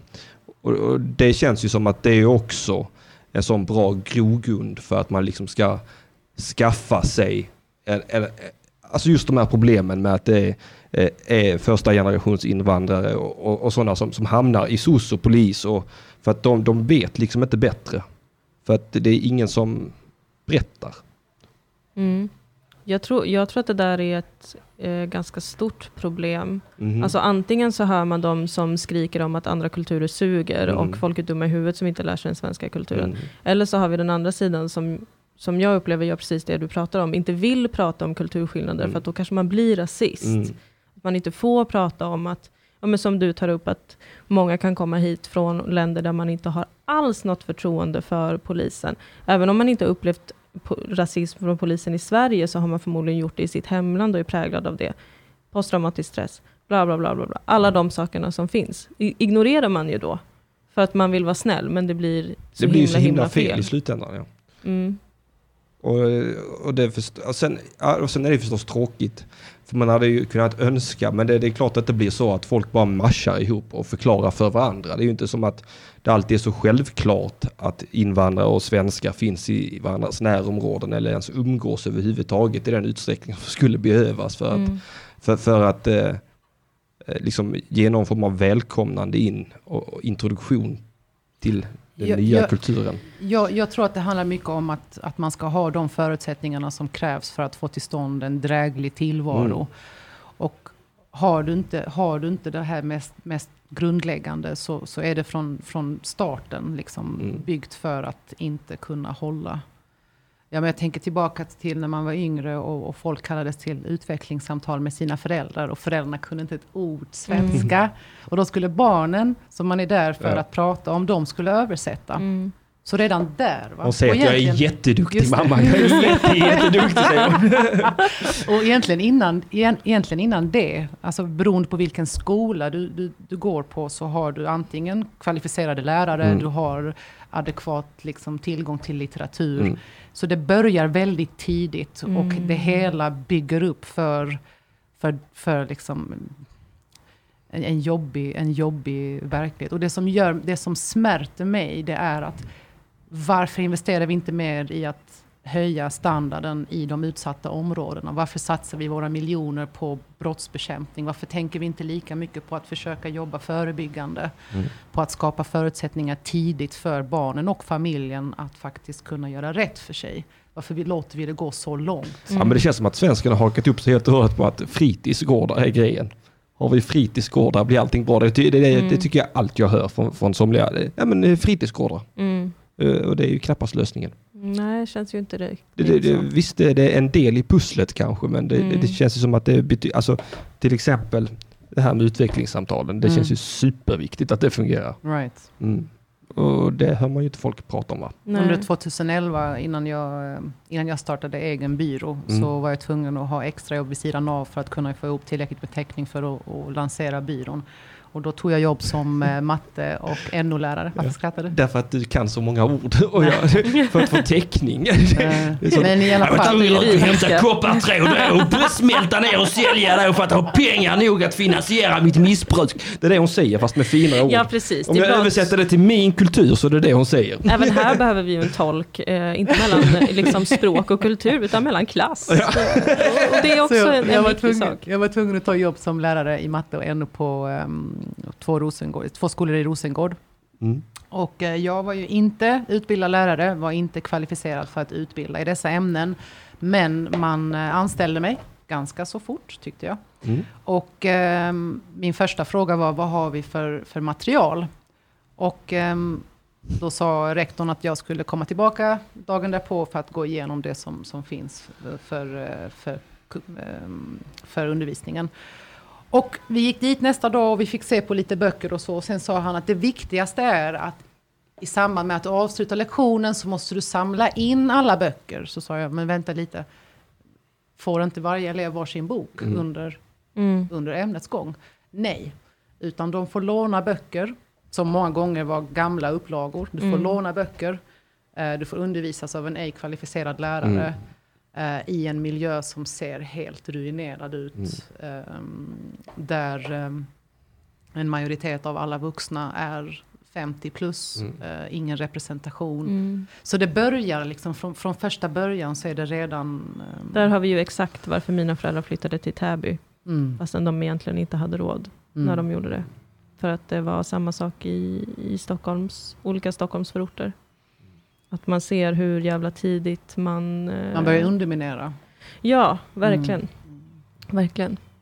Men eh, jag tänker på... Jag skulle gärna vilja eh, prata lite om, eh, om grundlagarna i Mhm. Sverige. Vad tycker ni om det? Ja det tycker jag är Mm. Jag vill superintressant. kasta ut en mening bara, Ja, Ja. så ser vi vad det, vad det tar oss. ja. Ja. Och då läser jag ur den viktigaste av grundlagarna, regeringsformen. Jaha. Eh, Det här och känner jag igen. Första kapitlet, Mhm. första paragrafen. Mhm. Ja, Mm. kör. Vi kör. Mm. All offentlig makt i Sverige utgår från folket. Mm. Mm. Är det sant? Är det sant? Är det sant? Nej, det är det ju inte. Det är inte sant. Det är väl eh, sant Nej, det är på inte det sant. sättet Det är inte sant. att vi lever i en representativ demokrati. Mm. Mm. Kan man säga. Ja, men sen titta så här. Men- Titta, titta, titta, titta förra valet. Alla så. all- Vi, vi har ett helt land, vad är vi? 9 miljoner invånare. Alla så, vi vill inte ha Stefan Löfven som statsminister. Mm. Det, var, det var alla rörande överens om. Och sen händer det någonting i Rosenbad, Stockholm där uppe. Ja men det blir Stefan Löfven ändå va? Ah, Fast alla har sagt nej inte han! Mm. Det, det, det, känner jag mig hörd? Nej! Nej. Känner någon sig hörd? Troligen inte. Nej, men all... all eh, alltså jag vet inte, jag tycker att det där, det är klart att det inte, jag tror inte att det kan vara så fullt ut någonstans. Men jag tänker mycket på den paragrafen eh, i allmänhet nu, för att det känns som att folk eh, underskattar att den finns. Mm. Och det känns som att folk underskattar, oavsett liksom vilken sida man står på eller vad som helst, att man underskattar att det här samhället är en konstruktion som människor har byggt upp och därför kan bygga ner. Men jag tror också att den svenska folksjälen långsamt har strypts av byråkrati här. Mm. Jag tror, det, det känns som att vad man än vill och gör så, så är det någon byråkratjävel som lyckas förvränga och förvanska och få till någonting som man liksom, någon halvkompromiss. Mm. Mm. All makt utgår från folket, men vi reviderar det lite på vägen. Mm. Vad tänker du Sara när du läser den paragrafen? All makt och tänk. Mm. Istället för att svara på den frågan kan jag läsa, jag vill gärna läsa upp någonting annat. Mm, absolut. Mhm. För det är med att jag vill bjuda, bjuda in till ett samtal kring det. Ehm, men det, det är definitivt värt att komma tillbaka till och prata mer om det. Jag vill Mm. läsa ur, ehm, fortsätta läsa ur regeringsformen och första kapitlet, fast nu andra paragrafen. Den offentliga makten ska utövas. Hör folk mig? Ehm, Jag om tror om du prova lite grann in i micken, sikta Ja. hårdare.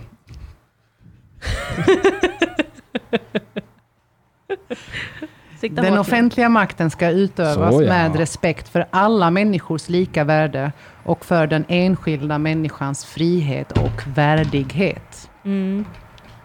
Jag tycker premissen är felaktig. Vad tänker du då?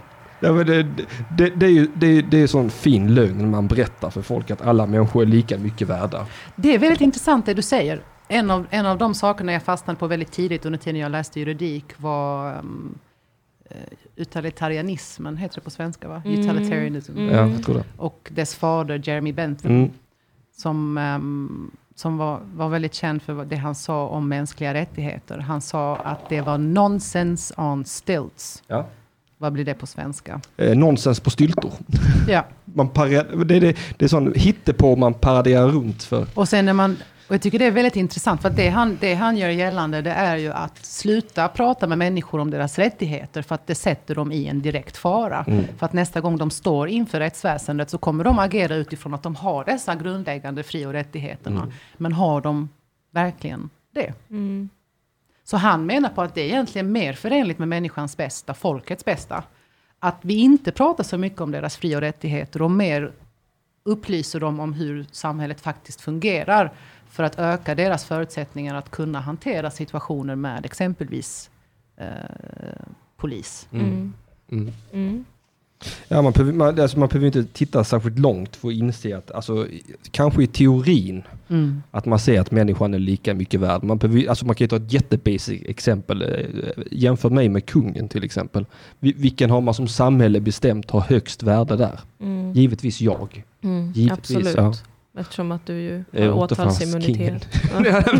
Nej men alltså det är så himla himla tydligt att, att vi sätter ett värde, eller Greta Thunberg kanske också sån, eh, ett bra exempel på att man sätter ett himla högt värde på en typ av barn Mm. medan andra typer av barn, äh, Mm. så ta de här, eh, vad det de i Helsingborg där det, där det var någon som hade gift sig med en 12-åring och flyttat hit och, och man bara bestämde här, ja men så länge de bor ihop så kan de vara gifta, om de bor hemma hos hans föräldrar Oj. så kommer nog inte barnet fara illa. Mm. Och sen hör och häpna, barnet blev gravid. Alltså, hur gick det till? Åh! Eh, Har man då satt lika mycket värde på den flickan som man till exempel sätter på Greta Thunberg eller, Mm. eller vilken vit unge som helst? Hade man accepterat det för det hade varit, det hade varit en farbror från Helsingborg som Mm. hade gift sig med sin kusindotter och, Mm. och, och, och så. Nej, Nej, det hade man inte. förmodligen inte. Jag tycker det är ganska intressant apropå det här med eh, respekt för alla människors lika värde och för den enskildas Mm. frihet och värdighet. Alltså jag tänker på när man observerar hur de olika vilka demonstrationer har vi haft nu på sistone? Vi har haft det här, det senaste var ju kring Black Lives Matter, men det har Mm. också varit en del på andra sidan spektret. Där man Mm. har kunnat jämföra hur polisen eh, upprätthåller rättsordningen i, i, i, i de situationerna kontra Mm. i, i eh, Ja, och där har det ju funnits en del kritik mot polisen också i hur man till exempel har utfärdat demonstrationstillstånd för nazistiska rörelser. Att eh, det är ju en tolkning av ordningslagen Mm. och vad som enligt ordningslagen kan anses tillåtas utan att vara eh, till fara för omgivningens säkerhet och liknande. Eh, Eller utan att vara hets mot folkgrupp. Exakt, Mm. precis. Och eh, där har ju mycket kritik kommit om att liksom, hade det här varit för 10-15 år sedan hade antagligen inte de här demonstrationstillstånden utfärdats. För Mm. att då tolkade vi faktiskt ordningslagen på ett annat sätt. Mm. Vi såg att det var organisationer som drev hets mot folkgrupp som Mm. dessutom också i regel är ganska våldsamma. Nej, jag håller inte med. 30 november i Lund har alltid varit en grej. Mm, Har alltid varit en grej. mm, Och eh, där kan jag lite grann förstå. För att det, det, var ju ofta så att, man, att vi åkte in och kastade sten på nazisterna. mm, De, de, de, de skulle gå en marsch och vi åkte dit och så kastade vi sten på dem. mm, Och då förstår ju jag att man som polis kanske reagerar på att helvete här är någon som kastar sten. mm, Att, att, att, att det är ju, även för, för den goda saken, så förstår jag att det blir ett ordningsproblem på ett annat sätt än att folk går runt och har obehagliga idéer. Liksom. mm. Eh, och, och det vill jag minnas att det höll vi på, eller att de höll på länge med, med 30 november. Jag tror inte det har varit de senaste fem åren. Nej. I alla fall inte så jag har hört någonting om det. Nej. För det var ju lite av ett happening förr i tiden. Och nu kommer nazisterna. Mm, Nu, För Ja. det jag upplevde som polisens roll under eh, nynazisternas demonstrationer, det var ju mer att de var där för att skydda dem. ja såklart för att Mm. det var folk som kastade sten på Ja. dem. Ja. Men så tänker jag i jämförelse med det vi har sett under de sista veckorna runt om i Mm. världen, där det många gånger har varit, eller vad jag, kan, vad, vad jag tycker att det ser ut som att de är där mer för att contain, alltså att, att hålla saker eh, under, Ja. under kontroll. Mm. Bland de som demonstrerar, mer Mm. än så än de som eventuellt kan skada tåget. Mm. Och det har ju också varit en kritik mot den senaste veckans demonstrationer, eller hanteringen av dem i, i Sverige. Eh, så har ju en kritik varit, okej, polisen säger att de vill skingra de här demonstrationerna för att man bryter mot regeringens restriktioner nu om att bara samla 50 personer. Men varför har polisen inte varit ute och skingrat folk som har suttit på uteserveringar eller i det. parker? Ja, och men det där är ju intressant för att eh, man kan anordna en karaokekväll. Mm. Hur många som helst kan komma och vara med och sjunga på den karaokekvällen. Mm. För att man har inte sålt biljetter till det. Det är inget evenemang. Det är evenemang vi pratar om. Evenemang har vi en restriktion på 50 personer. Mm. Är det bara så att det är en lycklig tillfällighet att, att här är det karaoke, då kan man vara 120. Då, då har regeringen inga synpunkter. Mm. Jag tror inte att det har att göra med de restriktionerna vi har idag. För att det här beteendet av rättsordningen när människor av, av etniska minoriteter Mm. har samlats för att försöka väcka uppmärksamhet kring sina frågor så har vi sett det här beteendet Mm. långt innan vi hade corona. Så att jag köper inte att det skulle vara ett argument för polisens beteende Apropå, under Black Lives. Matter-demonstrationerna. Eh, apropå poliser och demonstrationer så har vi faktiskt fått in en fråga som jag tänkte ställa till dig. Nu eh, jobbar du kanske inte specifikt med polislagen. Oh, jag Nej, ställde en fråga, sen har jag en Det är fråga. inte min Ja. specialitet, men jag... Men vi, vi ska ställa den frågan i alla fall. Eh, har hört att det är olagligt för en polis att inte hålla sig opartisk i tjänst. Att polisen som, hur gott motivet än må ha varit, anslöt sig till demonstrationen, alltså Black Lives Matter-demonstrationen. Och jag tror att, att frågeställaren här syftar till den polis i Stockholm som knäböjde tillsammans med demonstranterna. Eh, och alltså deltog i Okej, och frågan demonstrationen. Ehm, och frågan är då om den här polisen således begick tjänstefel då orden var att stoppa demonstrationen dels på grund av folksamlingsreglerna I guess. Hade Mm. varit intressant att höra. Ja, jag känner mest att jag kan uttala mig i privat kapacitet där. Mm. Ehm, om, om målsättningen med polisens närvaro var att skingra så är det nog inte direkt förenligt att han visar, eh, alltså visar, sin, visar sin personliga inställning där. Mm. Um, rent spontant, det låter inte riktigt i linje med hur de ska agera. Om syftet är att skingra. Mm. Kan det bli ett annorlunda svar om man tänker på att demonstrationen eh, på många sätt handlar om polisvåld och att det kan finnas ett värde för polisen att eh, visa någon Intressant. slags solidaritet med Intressant. demonstranterna? Alltså tanken är ju att du ska, du ska vara opartisk för att kunna upprätthålla rollen som liksom, Polis. polis Mm. och maktordning. Och där, där håller När jag... du börjar välja Ja. så, så börjar du underminera din förmåga att göra det. Alltså det jag tycker det är en skillnad på när polisen i USA gick ut på trappan och knäböjde för demonstranterna. För där var det någonting man gjorde från polisens håll. Ja, Jag tycker, det, är ett, jag tycker det blir ett problem när enskilda poliser under pågående demonstration börjar uttrycka sina sympatier.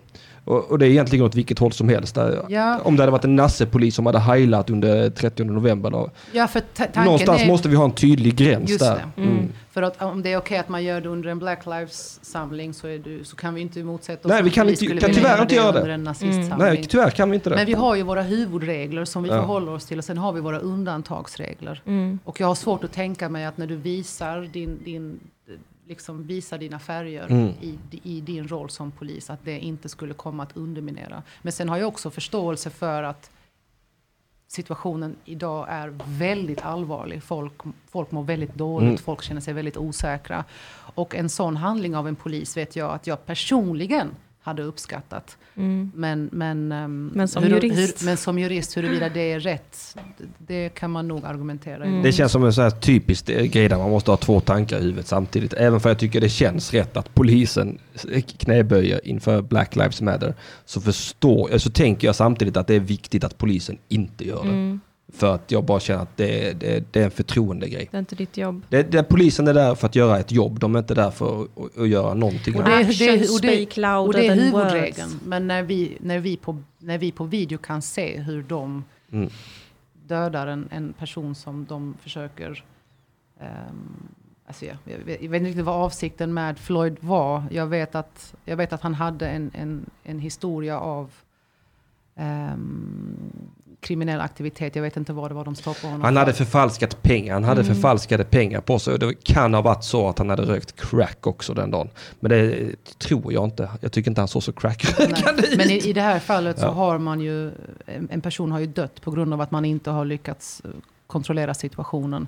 Eh, Och trots att han många gånger säger jag kan inte andas. Mm. Eh, Och han, han Alltså försöker. de hade ju full kontroll på den situationen. Har du se, jag har sett videon, det är det jävligaste jag har sett. Ja, det Alltså det- det så som, riktigt han, som den polisen sätter sig på den människans hals och bara tittar på honom. Ja. Medan- Hör honom säga jag kan inte andas. Och, och, och, och, och, I- och, den här det här- andra, och den här andra polisen, han bara står jämt och säger ah, han kan prata, då kan han andas. Det, nej! Ja, så, Så i, funkar inte andning. så i det Har du luft i kroppen kan du tala, men du kanske inte kan få in ny det. luft. så i, det, i det här fallet så har jag i personlig kapacitet Ja. en, en, en stor respekt för att polismän i USA faktiskt går ner på ett knä. För de, de, Absolut. de försöker väl visa remorse och, och, och, Mm. Och, visa, visa sin solidaritet och med tycker jag- folket. Och det går egentligen tillbaka till första kapitlet, första paragrafen, att ma, all makt Men, jag, utgår från, från folket. folket. men återigen så tycker jag det är en skillnad när de avsätter en tid och en plats och får gå ut och visa sig respekt för demonstranterna. Och att mitt under brinnande demonstration börja på eget bevåg göra någonting. Mm. Mm. Så igen, det är delade meningar. Jag har ju min personliga, Ja, min personliga åsikt. Eh, Den har jag också. och sen har vi den, den, Mm. den andra som egentligen ska kunna tillämpas oavsett vad, vad situationen handlar om. Mm. Eh, vi har fått in en fråga i chatten som jag tycker är ganska intressant. För jag tycker att den dyker upp eh, ganska ofta i eh, den här typen av samtal. Det är som en Eh, relevant fråga också vill mm. jag säga. Det är Mastodontfilms Mät som frågar, bortsett från faktisk rasism, är det helt otänkbart att inkludera perspektivet att kårens radar kan ha färgats en smula av att de med utomeuropeiskt ursprung är överrepresenterade och utgör majoriteten av de kriminella polisen är i kontakt med på daglig basis?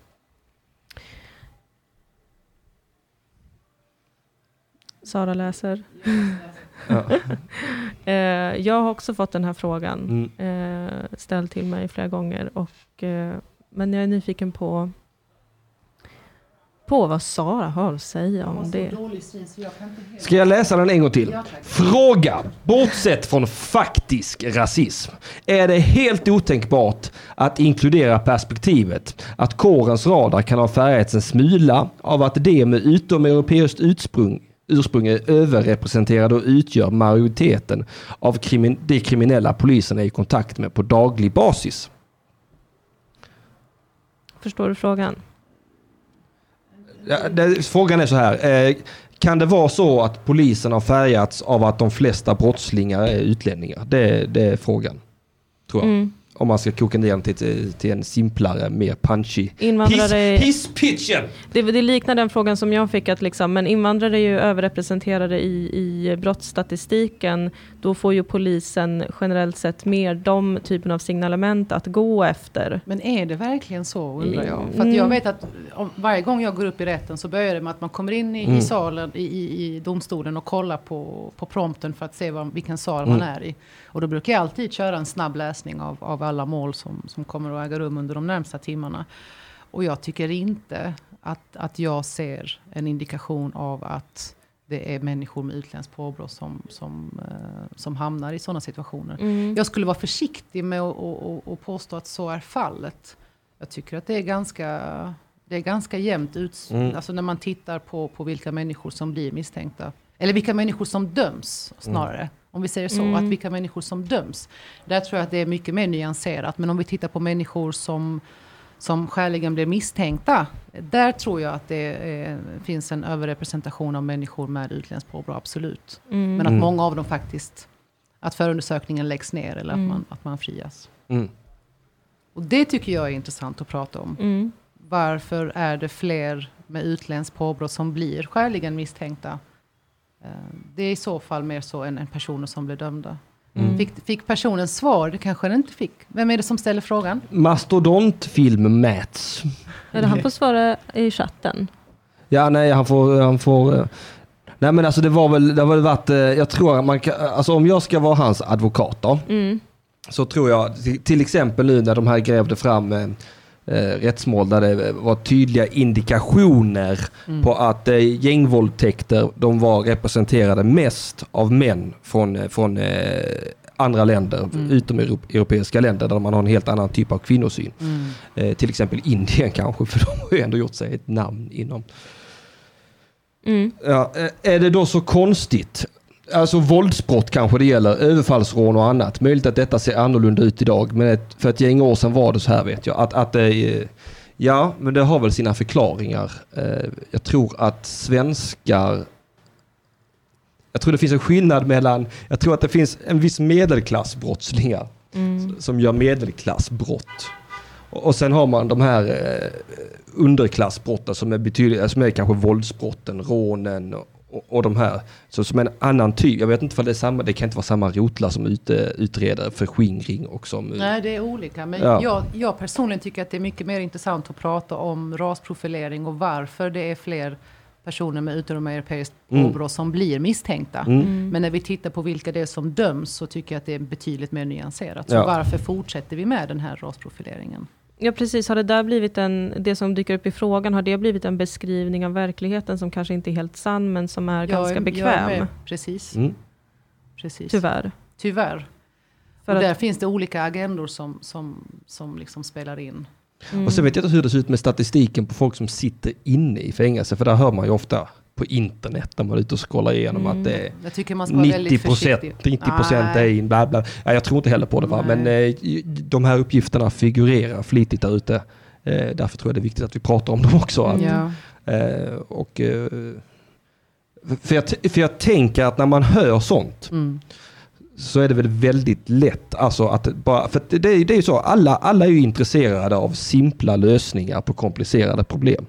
Eh, alla, alla älskar en Mm. enkel lösning. Det, det finns ju inget skönare än en enkel lösning. Mm. Jag tror det är därför det är väldigt lätt att just de får fäste. Att ja men 99,9% av alla som sitter i fängelse det är ju, vet man ju vilka det är va? Det vet man ju att det är invandrarna va. Mm. Eh, men, men jag är ju inte alls, jag har inte, jag har inte sett någon ordentlig, riktig statistik på Nej. det. Utan det, det, är ju, det är ju mer så här, sånt som figurerar i det kollektiva medvetandet Mm. av någon Och sen om anledning. jag dessutom ska utgå från min faktiska erfarenhet som operativ jurist Mm. så skulle jag säga att så absolut inte är fallet. Men Nej. däremot så är det i, i fråga om skäligen misstänkt en, en mycket högre utsträckning där det drabbar uh, utomeuropeer. Mm. Mm. Och det tycker jag är problematiskt för att när du, när du, när du tidigt skickar de signalerna att det är så här vi ser på det, det är det här vi Mm. förväntar oss av Mm. dig. Så, så tycker jag att det blir en form av brottsprovokation Mm. eh, i framtiden för den personen. Ja, jag vet inte om det är mindre tänkbart för kanske etniska svenskar än vad det är för oss som inte är etniska svenskar. För att, och nu blir det också min personliga upplevelse. Men att växa upp i det här landet handlar också mycket om att hela tiden parera att du blir läst som kanske mer aggressiv Mm. eh, eller mer bråkig. Eh, mer för killar. Eh, nu när jag har en lillebror som växer upp i det här landet så blir jag väldigt ödmjuk inför eh, hur mycket lättare jag ändå har haft än honom för att jag är tjej. Ehm, lärare och liknande blir väldigt medvetna om toxic masculinity och så vidare, när det handlar om invandrarpojkar, eh, Mm. märker jag väldigt, väldigt tydligt. Så att det blir lättare att kunna se de här stråken också för mig, inom till exempel poliskåren, som är det vi diskuterar nu, för att de här tendenserna finns i så många delar av samhället.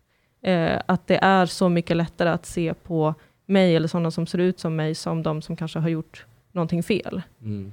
Eh, och att man själv lätt kan bli galen i den Mm. frustrationen av att veta. Till och med bli beredd på att veta det här om folk innan man ens möter dem. Mm. Att jag vet att det Den finns en risk att den Mm. här, jag menar det här upplever ju jag och Moa också jättemycket när vi jobbar ihop. Hur hon och jag särbehandlas Mm. eh, i relation till varandra. Och att jag vet att jag kommer få ett lägre förtroende och eh, upplevas vara den som är bråkig, fastän vi båda är jävligt bråkiga kärringar mot överheten, alltid. Bara en Det är väldigt intressant. parentes. Och då är, det, då är det ändå en helt annan del av vårt samhälle. Mm. Och då är du ändå högutbildad jurist. Ja, man kommer aldrig Eh, undan. kommer Tips till alla undan. invandrare som lyssnar. Det spelar ingen roll om... era föräldrar tar er till Täby. er. Eh, jag tror att vi måste börja avrunda det här programmet. Nej, jag måste ställa också, jag hade också en fråga. Ja, du ska ställa din fråga först. Får jag, får, jag, får, jag, får, jag, får jag lov att göra det Dilan? Nej. Nej. Men Fuck snälla, you. kan inte, kan inte jag få ha övertaget här inne nu? Du är så otroligt aggressiv nu. Eh, jag vet inte hur ni gör där du kommer ifrån. Hej Hitler! Men i Sverige så tar vi ett djupt andetag och så ler vi. Inte jag! Och så ställer vi inte för kritiska frågor. För att det blir... Nej, det här är ingen kritisk fråga. Nej. Det här är bara en fråga som jag personligen är väldigt, väldigt intresserad av. Vi har ju haft tryckfrihetsordningen i Sverige Stämmer. länge. 1991 får vi yttrandefriheten. Stämmer. Mm, I alla Nej. fall på tok för sent. Jag får kolla upp det för att bekräfta att det var 91. Men jag, Jag tror, jag tror, ja, men jag, har inte den kommit ovanligt sent? Det känns nästan som att det är A och O för att kunna bygga någonting överhuvudtaget som inte Ja. bygger på våld. tror att jag har ett svar på det faktiskt. Alltså Vi hade inte tryckfrihets... behövt komma hit. Nej. jag tror, om jag inte minns fel nu, att alltså, tryckfrihetsförordningen reglerar ju alltså, yttrandefrihet naturligtvis. Men att yttrandefrihetsgrundlagen kom till för att hantera eh, typ mer rörligt material, alltså det mer digitala tror jag. jag kan bara spekulera där. Men jag, text. jag antar att hur länge har vi tryckt saker i text? Och Sen där det har- 1500-talet gissar jag. Mm. Där det har cirkulerat Mm. hos allmänheten. Jag, jag vågar inte svara på den frågan. Varför det kom så sent. Nej men det känns konstigt att det kom sent. För det, det, det känns ändå, i alla fall för mig, så tänker jag att det är kanske det absolut viktigaste redskapet vi Mm. har. Det är möjligheten att säga och uttrycka och utbyta alla idéer. Oavsett hur obehagliga de än är. Jag tror verkligen att det är för att tryckfrihetsförordningen blev för eh, alltså begränsad. Mm. För att den bara reglerar tryckt, tryckt material. Och att man behövde något som kompletterade den. Ja, jag absolut. är väldigt osäker För på det är också vad jag har hört. nu. Det är också vad jag har hört att tryckfrihetsförordningen, det, det, det, där får du trycka vad du vill. Mm. Men du, du kan liksom inte stå och säga vad du vill. Eller, eller, Ja, eller en radioinspelning. ja, plötsligt så är radio ett problem. För det, är ingen, Mm. det, är inte tryckt text och nu Mm. har de sagt ditten och datten. Och även internet. Mm. För det känns som att det är en, det är en sån eh, grej som kan orsaka en eh, retardation i samhällsapparaten i och med att den kom så, alltså att det är ett koncept. För det, för det är ju ett sånt koncept som jag ser till och med folk arbeta emot ganska aktivt. alltså yttrandefriheten att nej, det, jag tycker inte man ska kunna liksom behöva säga vad som helst. För jag tycker det känns onödigt. Det, det, det är sånt som jag, ser, jag läser på Facebook för jämt. Jag skulle snarare säga tvärtom. Aha. Um, jag tänker tillbaka till det här med karikatyrerna av uh, profeten Muhammed. Mm. Och um, där man tyckte att det var ett allvarligt intrång att, göra, att, att påstå att man inte får lov att, att avbilda honom trots att islam säger att man inte ska göra det. Mm. Mm. Där tyckte jag att många saker ställdes på sin spets. Ja. Um, Ja, ja, nej, jag ja. skulle snarare säga att vi är väldigt måna om att värna om den rätten. I, i, eh. Ja, kanske på den stora skalan. Men om man kollar folk, ja det kanske bara är min bubbla som är helt Men- jävla... Nej, men fortsätt, vad tänkte du säga? Nej men för, för, för, ja, men för jag upplever att jag kunde, lä- till exempel under karikatyrerna av profeten Muhammed, så, så, så kunde jag läsa seriösa inlägg av folk som journalister och dylikt. Som säger att det här ska inte liksom, man, det, det går inte att försvara att göra på detta viset. Alltså att, att, att, att det kändes så himla viktigt, att det nästan kändes som att man ville signalera att det här var fel. Mer att man ville måna om varför det är viktigt. Ja, jag, jag, jag upplevde det inte alls så. Det var egentligen inte förrän man, man började prata om att det här utgör hets mot folkgrupp som, som man faktiskt fick lite, lite fog för Mm. att bemöta det som folk sa.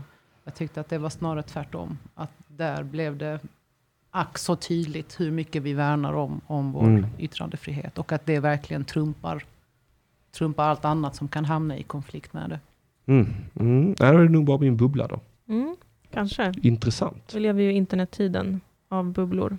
Ja men också av gemene man. Alltså, Mm. ja, det kan, vara, kan återigen vara jag som är färgad av det här jävla knulla barndrevet. Kanske, Ja. kanske. Ja, men det- alltså att, för att den mängden bråk jag behöver ta för Antons skull. För att jag har legat på, på underproduktion. Alltså det är ju helt, det är ju helt sinnessjukt. Mm. Eh, kanske att jag har blivit utvecklat en paranoia över att det är bara folk som vill bara tyst, gör inte så. Ja, men där har vi ju en annan, och det är ju en helt annan diskussion naturligtvis, men där har vi ju också det som står vid sidan av rättsstaten nu, Mm. som är eh, eh, vad man slarvigt kan kalla för pöbeln, Mm. och den liksom allmänna moralen som vi människor vill fostra och forma utanför rättsstaten på ett sätt med olika drev till exempel. Men våldspyramiden känns också som en sån eh, solklar idiotgrej liksom. Mm, Att, att säger vi och uttrycker dessa idéerna, mm, då kommer folk att mörda och våldta. uppe på toppen. Ja, Mm. eh, medan jag tror att den där pyramiden är vänd, den ska på, vara på andra hållet. Folk mördar och våldtar, därför så kommer det pratas. Alltså, Mhm. Vad är hönan eller ägget i hatets värld? jag, ja, jag tror ju faktiskt att mord och våldtäkt var populärt redan innan vi hade ett språk. Det känns som att det är det Mm. universella, universella språket människan alltid har talat Det är en med mänsklig varandra. grej. Ja, våldet. Ja, Ja. frågan är hur vi sanktionerar och det är mer en kulturell grej. Va? Ja men det, det har vi bestämt att vi har de som har monopolet va. Ja, det har vi. Det har vi. Och tyvärr så är det de som inte fick gå med i Hells Angels. Åh nej, ja. nu kommer polisen att bli arg på dig också. Jag uppträdde ju för dem eh, på deras julbord 2019. Jaså, Mm. vad spännande. Då fick jag också sådana restriktioner. Fick jag en lång lista på saker. Jag fick inte prata om romregistret, jag fick Mhm. inte prata om, vad fan var det mer? Jag fick inte prata om Erik Torell Mhm. och jag fick inte prata om ditten och datten. Oj, oj, oj. Mm, det var väldigt roligt. Och kanske, hade det varit idag kanske du heller inte hade fått prata om eh, den som var anställd hos polisen som blev gripen misstänkt för grovt koppleri. Nej, det hade jag, de, operation hade, de hade definitivt önskat att jag inte skulle ta upp de Mm. ämnena. För det, var- det Mm. var ju så det hette, vi önskar att. Ja. Ja. Bättre att prata om det som drevet från opinionen handlar om. Ja. Någon annan. Ja. Ja, eh, Emil Kere bekräftar också att yttrandefrihetsgrundlagen lagen gäller endast etermedier. Det är en ny lag som togs fram för att fungera bättre. TF. eh, The En, fuck? med en som. Ja, ja. Hur som helst. Jag sitter här och, och känner att det finns så mycket man skulle vilja prata om. Mm. Ja, det är, ju, det är ju svårt att hinna med allt på en timme. Mm. Lite drygt. Och det hoppas jag att folk som lyssnar är medvetna om också. Att Jag skulle ju, vilja säga en sak till folket. Mhm. Om man hamnar i en situation där man är i behov av en offentlig försvarare så är det väldigt viktigt att den, den som förordnas eller den som utses åt en, att det känns bra med den personen. Vi har haft upprepade fall. Jag, ska, jag kan inte berätta, jag kan inte tala för hur, hur, många, hur många som faktiskt utsätts för det här, men vi har haft mönster av personer som får ombud eh, som har eh, förutfattade menanden, fördomar om personer med anledning av deras etiska ursprung. Föreställ er att ni är i en situation där personer som ska bevaka era intressen har fördomar mot, mot eh, den misstänkta på grund av var de kommer ifrån. Mm. Så jätteviktigt att det känns bra med personen som Mm. ska företräda en. Var inte rädda att, att kräva att den personen ska entledigas om det inte känns rätt. Alltså att man får byta fritt Mm. om man Precis. vill det. Mm. Alltså det är inte fritt, du ska ju ha, du ska ju ha grund för att begära att en person eh, entledigas, alltså Mm. att lämna den rollen. Men viktigt att det känns att personen verkligen har dina intressen i åtanke när de driver din talan. Och en grund kan då vara, jag känner mig inte trygg med den här personen. Jag känner mig inte trygg, ehm, jag, personen har brustit i sin roll, eller jag känner att det inte finns förutsättningar eller förtroende. Mm. Förtroendet är skadat. Mm. Så får man redogöra för, för varför. Mm. Mm. Mm. Eh, avslutande fråga. Eh, du som har följt Säpo. Eh, Ja. Jag eh, är eventuellt under en stämning av Staffanstorp kommun. För ett skämt. Du, du, du räddar mig va? Om de Ja. kommer och tar mig va? Ja, jag kan lyssna gärna på vad som har hänt och se om jag kan, om jag kan hjälpa. Ja, jag, har inte, jag har inte fått någonting i brevlådan än. Va? Jag, det? jag bara väntar på det. Jag bara väntar på det. Ja, Vi jag kan- vet. Vänta med viss spänning. Ja, det hade varit lite roligt. Det hade hade, varit lite roligt för att lyckats vända hela Staffanstorps kommun. All. PR är bra PR, säger jag. Jag håller med. Ja. Och Paolo Roberto också. Eh, men, men eh, som sagt, vi ska avrunda lite och precis som Sara sa, alltså det här är ju ganska komplexa frågor. Eh, jag vet att jag var ganska splittrad när vi började. Jag visste bara att jag ville prata om det här, men jag visste inte riktigt hur. Jag, Jag, tycker jag att har det massa varit- anteckningar om kroppsvisitering och husrannsakan. Ja. Jag trodde vi skulle gå in på det språket. Ja, det vill jag också spåret. prata Ja, om. det kanske inte Det ska... får komma tillbaka. Ja, det får du Vi får se vad göra. folket tycker. Om de tyckte det var intressant och skulle vilja höra mig prata mer. Absolut, Ja, här hoppas- polisen 1 verkar ju vara väldigt eh, förtjust i oss. Ni sitter bara och ljuger. Den rättshaverist till jurist ska nog sitta stilla i båten. Ja. ja, men polisen är välkommen tillbaka till nästa gång Ja, eh, Sara är här och, eh, och kan komma med frågor eller kommentarer. För att Mm, det, det är mm. ju verkligen, man hinner inte med allt och man, man utesluter ju såklart vissa eh, perspektiv eller delar av det för att kunna ha ett stringent samtal. Absolut, men nästa gång ska vi gå in på detaljnivå vad polisen vill prata om tycker jag.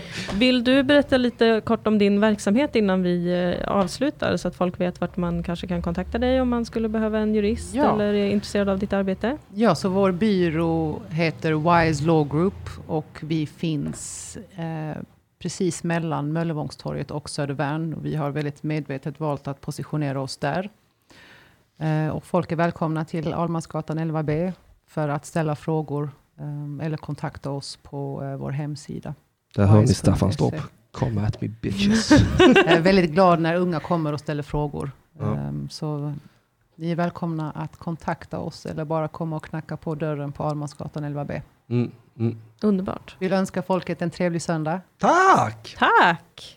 Tack att Detsamma. Tack för att jag, tack Att för du ville komma hit. Mm, mm. Väldigt trevligt. Vill Reklam. Du, reklam. Vill jag göra. Ja. För Satspodden Just till det. exempel. Ja. Sex and the City podcast. Ja. Uh, motherfucker, kostar 30 spänn. Det är skitbilligt för fan. Alltså det är inga Det pengar. är inga pengar för fan. En kopp svart kaffe kostar 30 kronor på vissa ställen. Ja. Ja. Tänk det. Ja, en jurist kostar flera hundratusen. Ja, Ja. ja, ja verkligen. 30 spänn. Ja, Vi inte att ni kan gå och ställa en fråga till Sara utan 100 000 Nej, nej, i nej, inte ostrukna gå. kontanter. kommer inte gå. Jo men eh, Tvättade pengar ska det vara. prenumerera på den, underproduktion.se SATC. Jag vill också göra reklam för den. Mm, Ja, tack. tack. Eh, Eh, Återfallskingen. Ja. Ja, tack. Återfallskingen Ja, det är jag. kan man köpa. Mm, Dig alltså. ja. Din show. Mina, mina sexuella tjänster. Mitt samtycke är till salu. Ja, det är det. Det vill jag Även avsluta med. Sagan om Dilan och Moa är inte till salu utan finns gratis på SVT Play. Att titta på. Eh, säsong två avsnitt sex Mm. som heter Mångfald. Mhm. Ett underbart avsnitt om rasism Ja. eh, där vi ger noll moraliska poänger till den som kollar. Ja. Eh, så att ni kan inte ta med er något av det. Nej. Men ni kan skratta åt det, Yes. antar jag. Mm. Jaha, Mm. eh, tack Sara. Mm. Tack Henrik. Ja, tack ska ni ha för tacket. Tack, Tack. tack, tack. Tack, tack, Tack, tack, tack så tack, hemskt tack, mycket. Men tack ska du Tack ha. för att Tack, ni har tack, tack. lyssnat. tack. Tack så mycket. Tack, Tack, tack. vad snälla. Tack.